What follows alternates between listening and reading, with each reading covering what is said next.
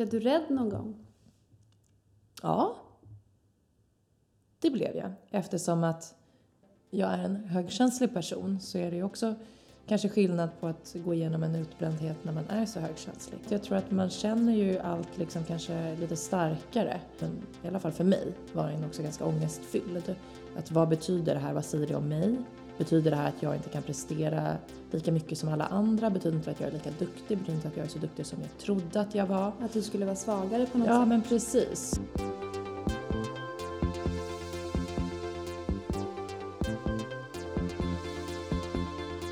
Du lyssnar på HSP-podden med Leveby och Klar.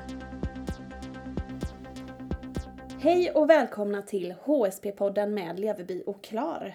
Eh, podden som handlar om högkänslighet. Jag heter Matilda Klar. Och jag heter Ida Leveby. Och idag ska vi prata om högkänsliga som bränner ut sig. Har du varit i riskzonen någon gång? Jag har aldrig varit utbränd.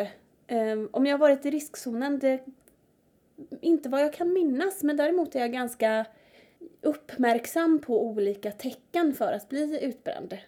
Och en del tecken har jag ju sett genom åren. Som vad då?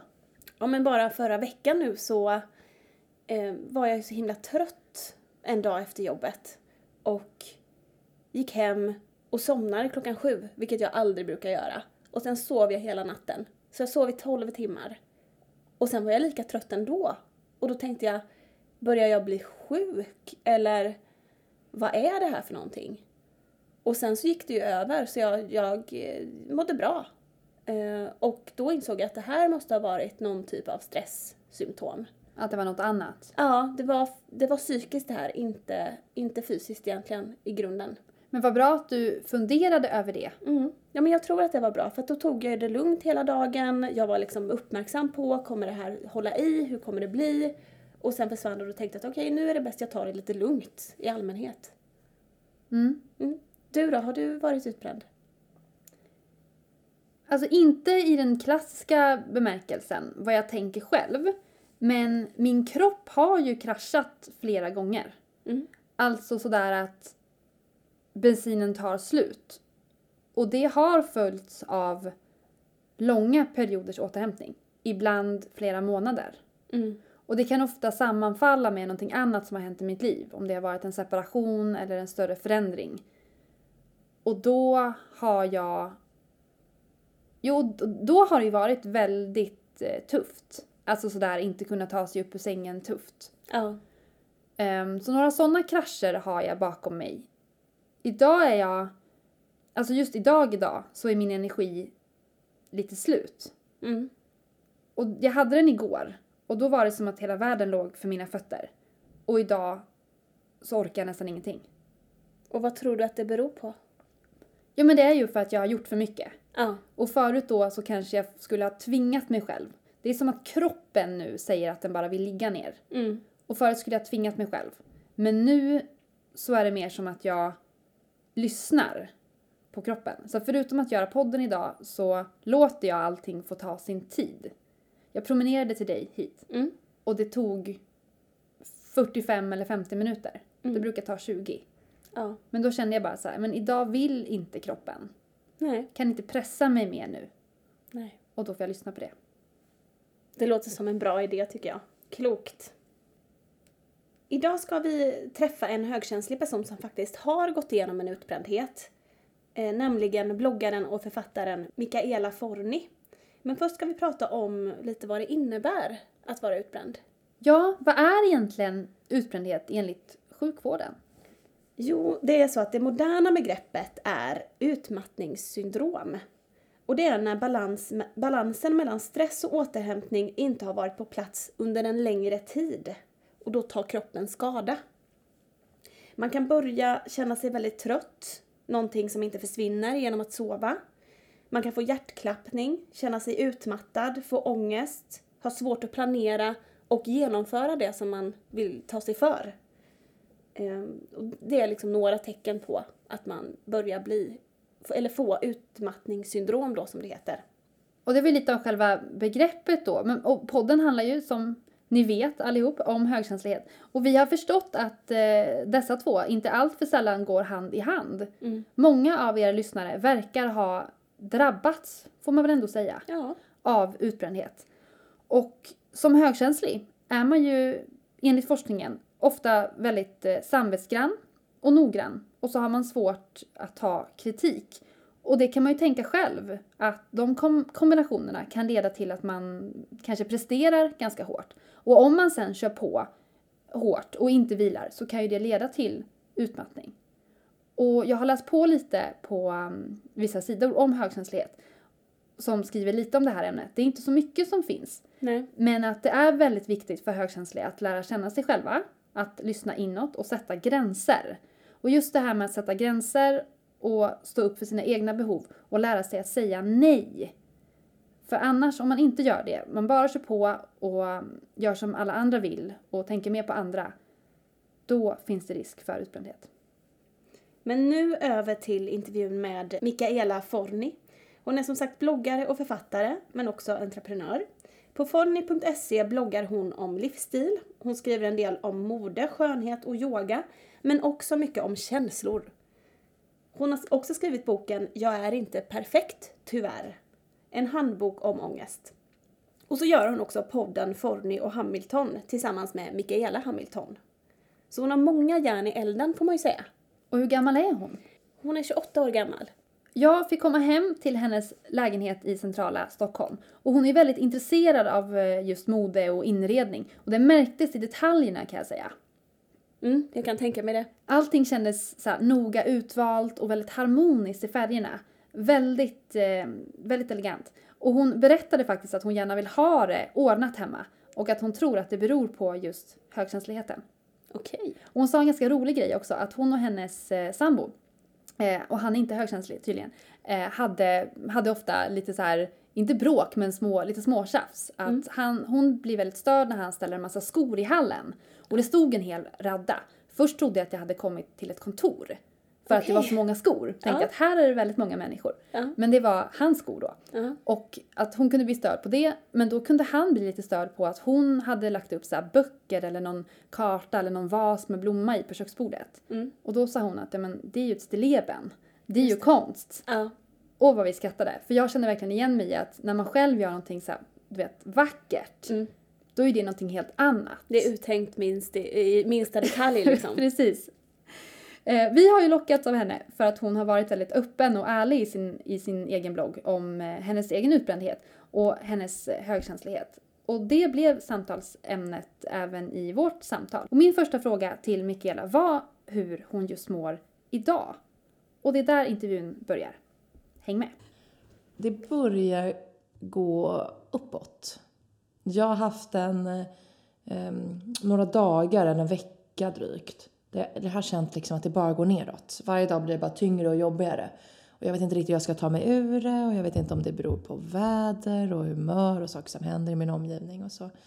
Men sen efter de senaste dagarna så har jag känt att jag börjar neutralisera mig och nu börjar jag känna att liksom, oh, det börjar gå uppåt igen. Jag börjar känna mig liksom stark och jag går ut och njuter av solen när den väl kikar fram i tio minuter. Och, eh, ja, känner att det är trevligt att prata med kollegorna. Liksom. Så att eh, jag känner att jag mår att, så att det går åt rätt håll idag. Vad skönt! Hur ofta har du det så? Att det går upp och ner? Eh, ja, ganska ofta. alltså, jag vet inte, för mig är det så självklart att hela livet är så. Men så har jag förstått att det inte är så för alla människor.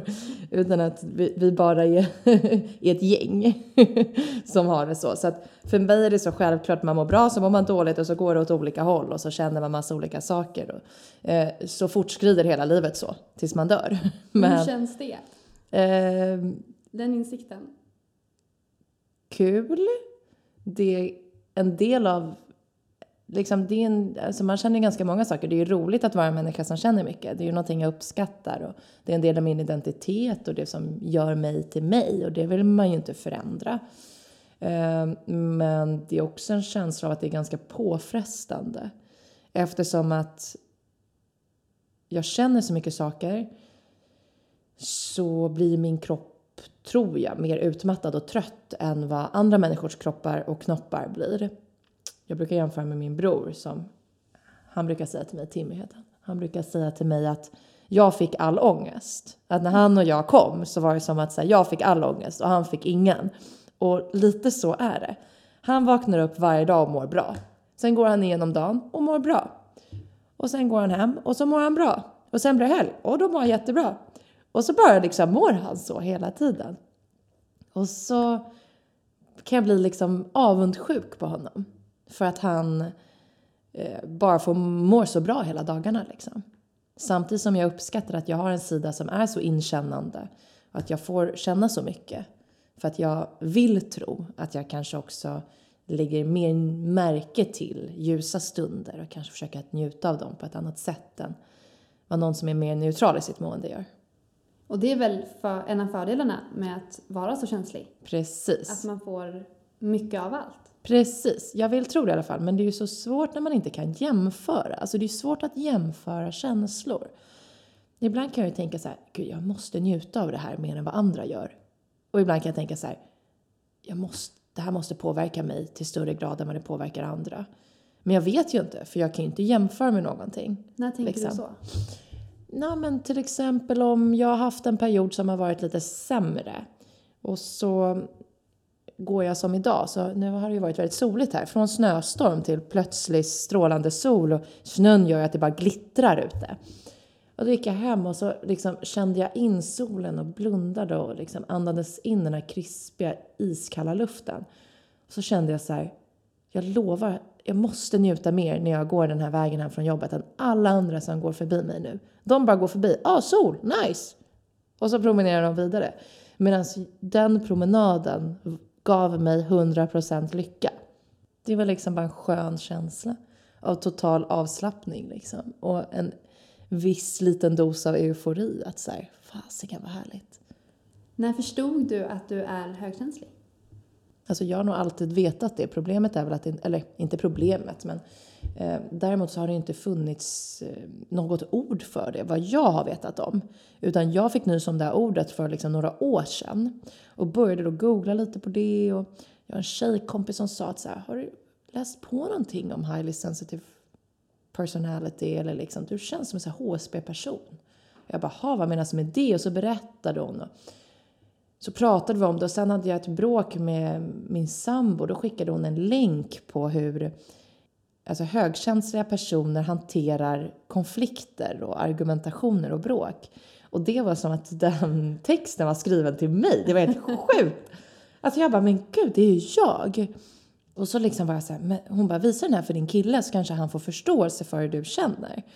Ehm, att jag till exempel behöver backa undan och samla mig och jag känner mig ganska lätt, lätt inträngd i ett hörn vid argumentationen medan för min sambo som är mycket mer trygg och frispråkig och inte har några problem vid att, alltså vid att diskutera.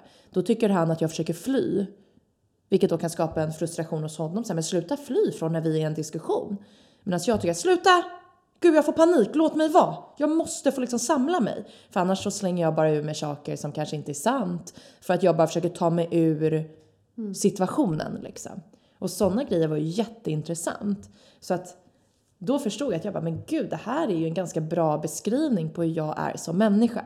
Det har också varit väldigt många som har skrivit till mig i min blogg att så här, när det här fenomenet började dyka upp här för några år sedan. Att, Gud, du borde läsa på om det, eller det känns som att du kanske är det, eller jag känner igen mig mycket, du kanske också kan känna igen dig. Att de tipsade dig? Precis! Och det är också så intressant hur bra ens bloggläsare kan känna en eh, i vissa fall. För det stämde ju verkligen liksom. Men du har ju varit väldigt öppen där och du är ju väldigt öppen med dina känslor. Gud ja.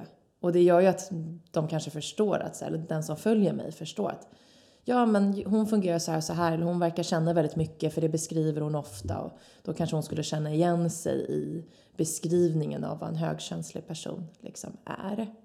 Har du gjort det till ett medvetet val, att du vill vara öppen, eller är det bara någonting som du inte kan styra över riktigt? Jag tror att det är lite både ett medvetet val och att det går utanför min kontroll. Alltså, om jag skulle känna att det inte var bra för mig så skulle jag nog få öva i att stänga ner den liksom, öppna sidan av mig och liksom ja, men, rikta om eh, hur jag uttrycker mig offentligt. Men eftersom att jag känner att det faktiskt ger mig mycket tillbaka så känner jag inte att det finns någon anledning till det. Ibland ångrar jag såklart att jag är så öppen och ärlig och det är inte i alla situationer det är det bästa att vara. Men eh, ofta så känner jag att det ändå ger mig väldigt mycket och det ger andra väldigt mycket och då är det värt det. Kanske lite som den här podden. Ni får mejl och sånt och folk som skriver att så här, men man känner igenkänning och sånt. Så även om det är läskigt för dig att sitta och berätta om hur du mår eller du känner eller du hanterar vissa situationer. För att det är jätteprivat ibland. Så om det kan hjälpa någon annan så kanske det är värt det. Mm. Liksom. Verkligen. Även om det är läskigt eller liksom känns jobbigt. Men du sa att du redan när du var yngre förstod att du var känslig. Mm. Och sen fick du insikt om att det fanns ett begrepp för det, just Ja. högkänslighet. Vad betydde det för dig då att få, få det här namnet på en del av det du är? Om jag ska vara helt ärlig så tror jag inte att det betyder så mycket när det kommer till hur andra ser på mig. Jag tyckte inte att det var skönt att så här, åh bra, nu kan andra förstå mig när jag känner att jag är högkänslig. Utan det, var mer, det är mer för min egen skull som det kändes bra. Jag skulle säga att det har hjälpt mig att förstå varför jag reagerar som jag gör i vissa situationer. När jag läst att så här, men en högkänslig person reagerar ofta så här. Och så kan jag känna igen mig i det och det är ganska skönt att hitta en förklaring. Jaha, ah, okej, det här är liksom någonting som... Det finns en förklaring. Det betyder att det inte bara är jag då som fungerar på det här sättet. Också så här, att det blir lättare då att få tips och råd. Ja, men som vid argumentationer och jag har läst på om det. Att så här, men om du befinner dig i en argumentation, förklara det här och det här. Säg att du behöver det här och det här. Vilket underlättar för mig för att jag ska bli förstådd av människor i min omgivning. Och kanske främst förstå mig på mig själv. Liksom. För det är ju inte helt lätt alla gånger. Du har ju varit ganska öppen med att du har eh, gått in i väggen. Mm. Hur, eh, hur var det? Berätta, vad, vad var det som hände? Att bli utbränd, det är typ lite som att gå igenom ett, alltså att göra slut med någon. När man är mitt inne i det är det jäkligt rörigt. Och sen efter så ser man allting så självklart. Man gör slut med någon och bara, men gud det var ju inte vi. Men det kanske kommer liksom långt efter, efter massa um, stora känslor. Och sen efter ännu längre tid, då är det svårt att ens sätta fingret på vad det var som hände. Alltså man kan vara så men gud har jag ens varit tillsammans med den här personen? Att först när jag var inne i det förstod jag inte, innan så hade jag svårt att se signaler. Under tiden hade jag svårt att veta vad det var jag gick igenom. Eh, var rädd för att också slänga med uttryck och sånt. Där så här, Va, jag är inte utbränd eller nej men jag är trött försökte jag mycket mer liksom. Jag hade svårt att förstå vad det var jag gick igenom och hur jag skulle förklara det. Efter var allt väldigt tydligt för mig. Det var också då jag skrev min bok. För att jag kände att liksom, det här är det jag gått igenom, så här behöver jag göra för att må bra i framtiden, de här riktlinjerna. Men nu när det har gått tre, fyra år så är det liksom ganska så här luddigt. Att så här, hur kändes? Jag minns inte riktigt. Alltså så här, ja, det var väl inte kul liksom. Alltså jag blir lite så här, vad är det jag faktiskt minns och vad är det jag kommer ihåg utifrån det jag skrivit om eller liksom. Eh, så att ja, jag tror att ingen gillar väl att bli utbränd. Det är väl inte kul för någon. Eh, och det är en, eh, en liksom ganska svår och jobbig tid att ta sig igenom. Eh, och det tar lång tid att bli återhämtad om man ens all, någonsin blir det. Liksom. Vad tror du det var som ledde fram till att det blev så? Jag tror att det var en mix mellan att jag och personer runt omkring mig la för stort ansvar på mig. mig liksom. Så att ehm, så här, jag själv la väldigt mycket prestation och ansvar. Så här, du ska klara allt det här. Och andra gjorde också det som kanske då jobbade i min omgivning eller vad fanns i min omgivning. Att Mikaela klarar det här och Mikaela kan göra det här. För att jag också visade att jag kunde det. Liksom. Då jobbade du... Ja, men jag var anställd på ett, eh, en stor mediekoncern där jag jobbade. Jag satt i ledningsgruppen för ett, ett av företagen inom den koncernen. Så det var ändå ett ganska stort företag, typ så här 40-45 anställda. Då har man mycket ansvar. Precis. Och så sitter jag i ledningen där och sen så ansvarade jag för våra profiler i nätverket som var 50-60 stycken. Och samtidigt så drev jag själv mina sociala medier. Jag var delägare i en välgörenhetsorganisation och massa andra saker. Vem som helst kan bli utbränd. Det handlar inte om hur mycket saker man gör. Du kan bli utbränd eh, som nybliven mamma. Du kan bli utbränd på ditt jobb som du kanske haft i flera år. Eh, fast du har haft samma arbetsuppgifter och jobbat samma arbetstider. Eh, du kan bli utbränd eh, liksom när du håller på med liksom något hobbyprojekt. Alltså, vem som helst kan bli utbränd. Det är inte den som har mest på bordet som blir utbränd. Utan det handlar om eh, vilket, vilken press du lägger på dig själv och hur du själv klarar av att hantera det. Liksom. Och du la mycket press på dig själv? Ja. Och därför blev jag utbränd. Så att så här, en... Men du eh, har, du har berättat att du låg i sängen i, var det, en månad? Ja, Och sov ja, jag sov mycket. otroligt mycket. Ja. När började det sjunka in att, att det här var inte... Det här... Ja, men jag förstod ju alltså, när jag var hemma att så här, men det här är nog inte som det ska. Och jag är ju, jag är ju liksom psykiskt utmattad och jag måste nog ta tag i det här. Så jag var ändå ganska snabb, vilket också är så typiskt duktig flicka-syndrom, att jag ändå var ganska snabb på att liksom hitta en psykolog, göra min research, hörde mig runt från folk som hade blivit utbrända. Vem gick du till? Hur gjorde du? Hur ser resan härifrån ut? Liksom. Också som ett projekt nästan. Precis. alltså så här, jag tror att det liksom, den sidan hos en ligger ganska djupt, långt in i benmärgen. Eh, Jag är en liksom, projektledare och en problemlösare. Och liksom, det är så jag är och det är inget, inget fel att vara så. Och det, var, det är kanske också de sidorna som gjorde att jag kunde ta mig ut min utbrändhet Eh, på ett liksom hyfsat snällt sätt för mig själv. Det hade kanske tagit längre tid eller varit en hårdare väg eller gjort ondare om jag inte hade haft liksom, de sidorna. Samtidigt som att så här, ja, men det är intressant hur man fungerar. Så här, till och med när man går igenom det bara, aha, det verkar som att jag är utbränd här. För att när jag googlar och har läst lite böcker så stämmer det här in på de testerna jag har gjort på nätet. Så att, ja, då får jag börja gå efter liksom den här mallen och löser och så är det si och så är det så. Så kontaktar jag min chef och så kanske jag kan vara tillbaka vid den här perioden och jada, jada, jada. Istället för att bara så här, ah, sjunka in och bara så här, okej, jag kanske bara ska stänga av allt. Jag kanske bara ska vila. Blev du rädd någon gång? Ja, det blev jag. Eftersom att jag är en högkänslig person så är det ju också kanske skillnad på att gå igenom en utbrändhet när man är så högkänslig kontra om man inte är lika högkänslig. Hur menar du då? Nej men att jag tror att man känner ju allt liksom kanske lite starkare. Eh, vilket gör att så här, när du går igenom en utbrändhet så går den, är ju den ganska liksom, ja men i alla fall för mig var den också ganska ångestfylld. Att vad betyder det här? Vad säger det om mig? Betyder det här att jag inte kan prestera lika mycket som alla andra? Betyder inte det att jag är lika duktig? Betyder inte att jag är så duktig som jag trodde att jag var? Att du skulle vara svagare på något Ja, sätt? men precis. Ehm, ja, och då fick jag liksom... I det så blir man ju rädd. Att säga, bet- vem, vem är då jag? Om jag till stor del tycker att jag liksom är det jag presterar, vilket jag verkligen tyckte då att så här, ja, men, det jag liksom presterade, det var en stor del av min personlighet tyckte jag. Då är det klart att man blir rädd. Så här, okej, då betyder, om jag inte presterar allt det här, vem är jag då? Och vad är jag då värd? Liksom. Kom du på det då? Ja, det gjorde jag. Men eh, man är ju inte liksom, jag är ju inte färdigutbildad i Mikaela direkt. det är ju liksom, ja, det är nog 50 år kvar på den utbildningen. Men jag kände att jag tog mig ut ur det på ett sätt som var schysst mot mig själv. Och att eh, jag tar liksom med den erfarenheten och den upplevelsen och det jag gick igenom så tar jag ändå med mig på något sätt att jag har blivit inkännande på ett helt nytt sätt än vad jag var tidigare. Och att det är någonting som jag ändå är ganska tacksam Mot dig själv? Precis.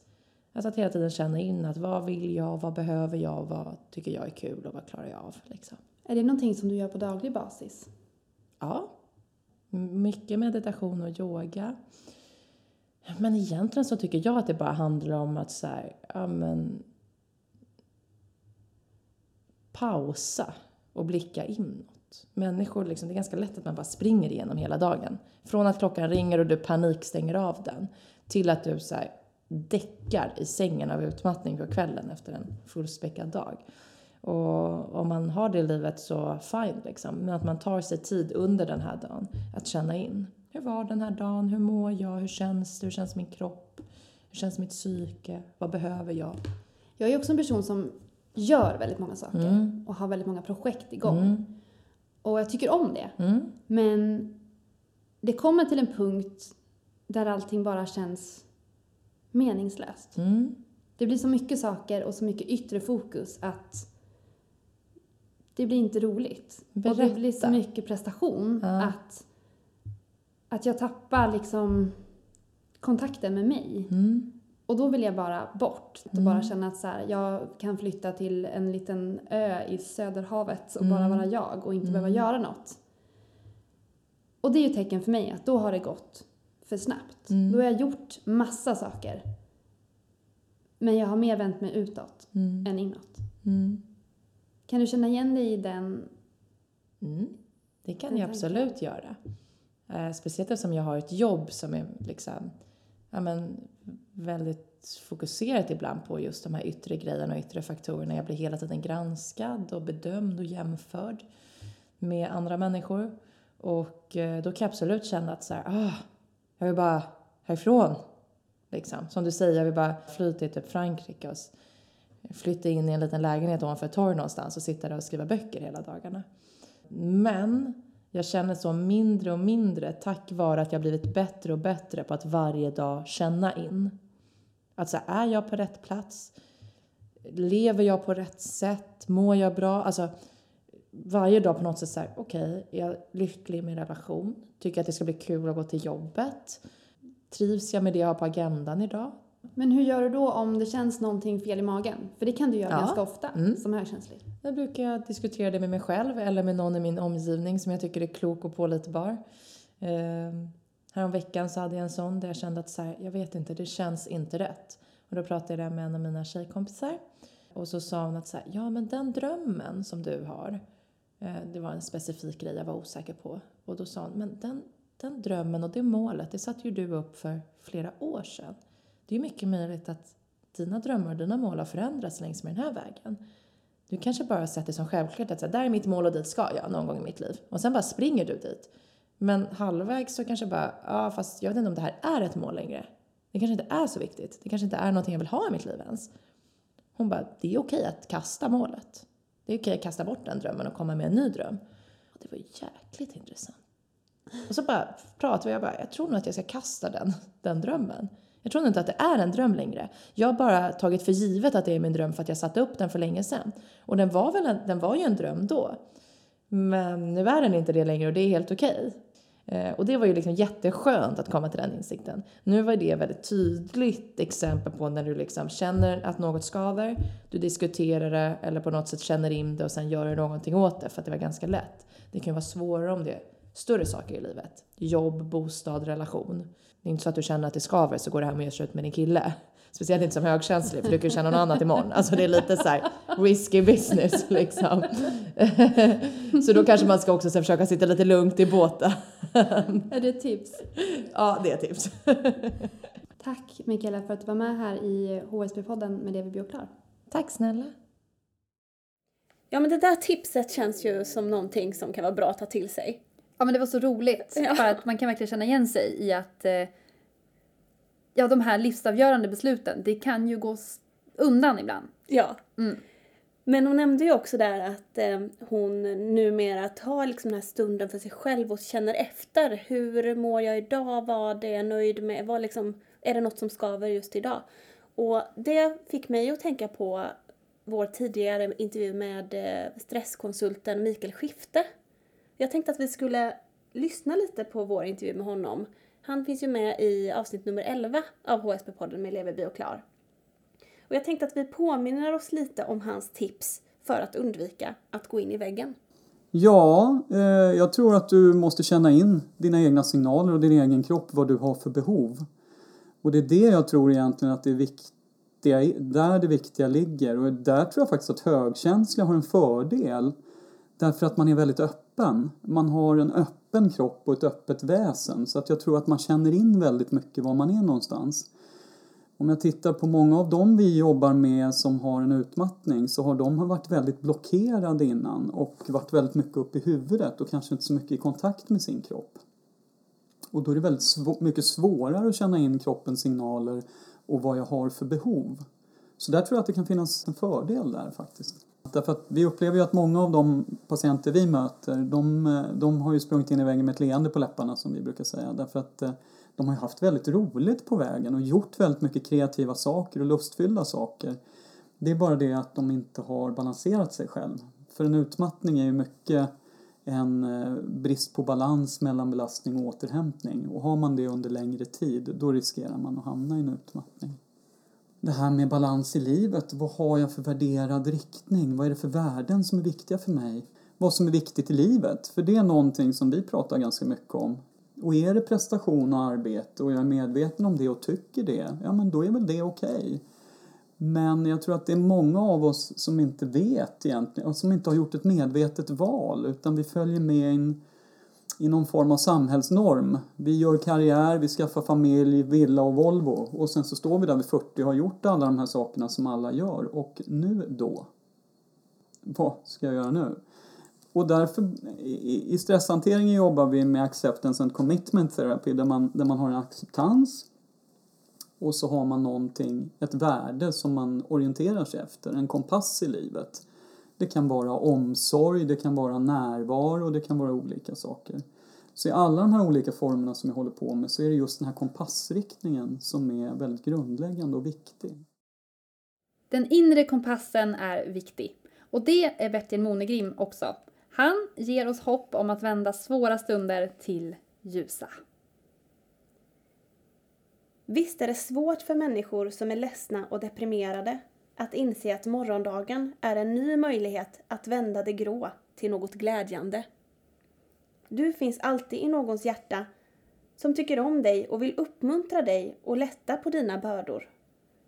Kanske en livskamrat saknas och det kan vara både människor och djur som vill ge dig tillbaka glädjen igen.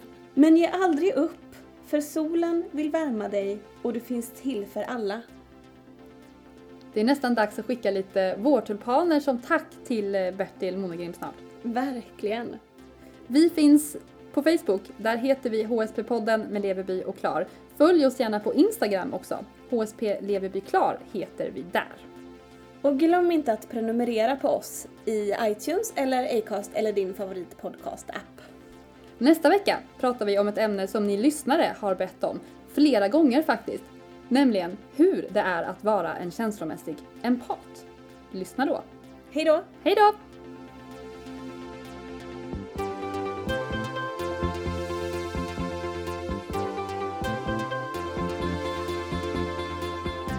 Du har lyssnat på HSP-podden med Leverby och Klar.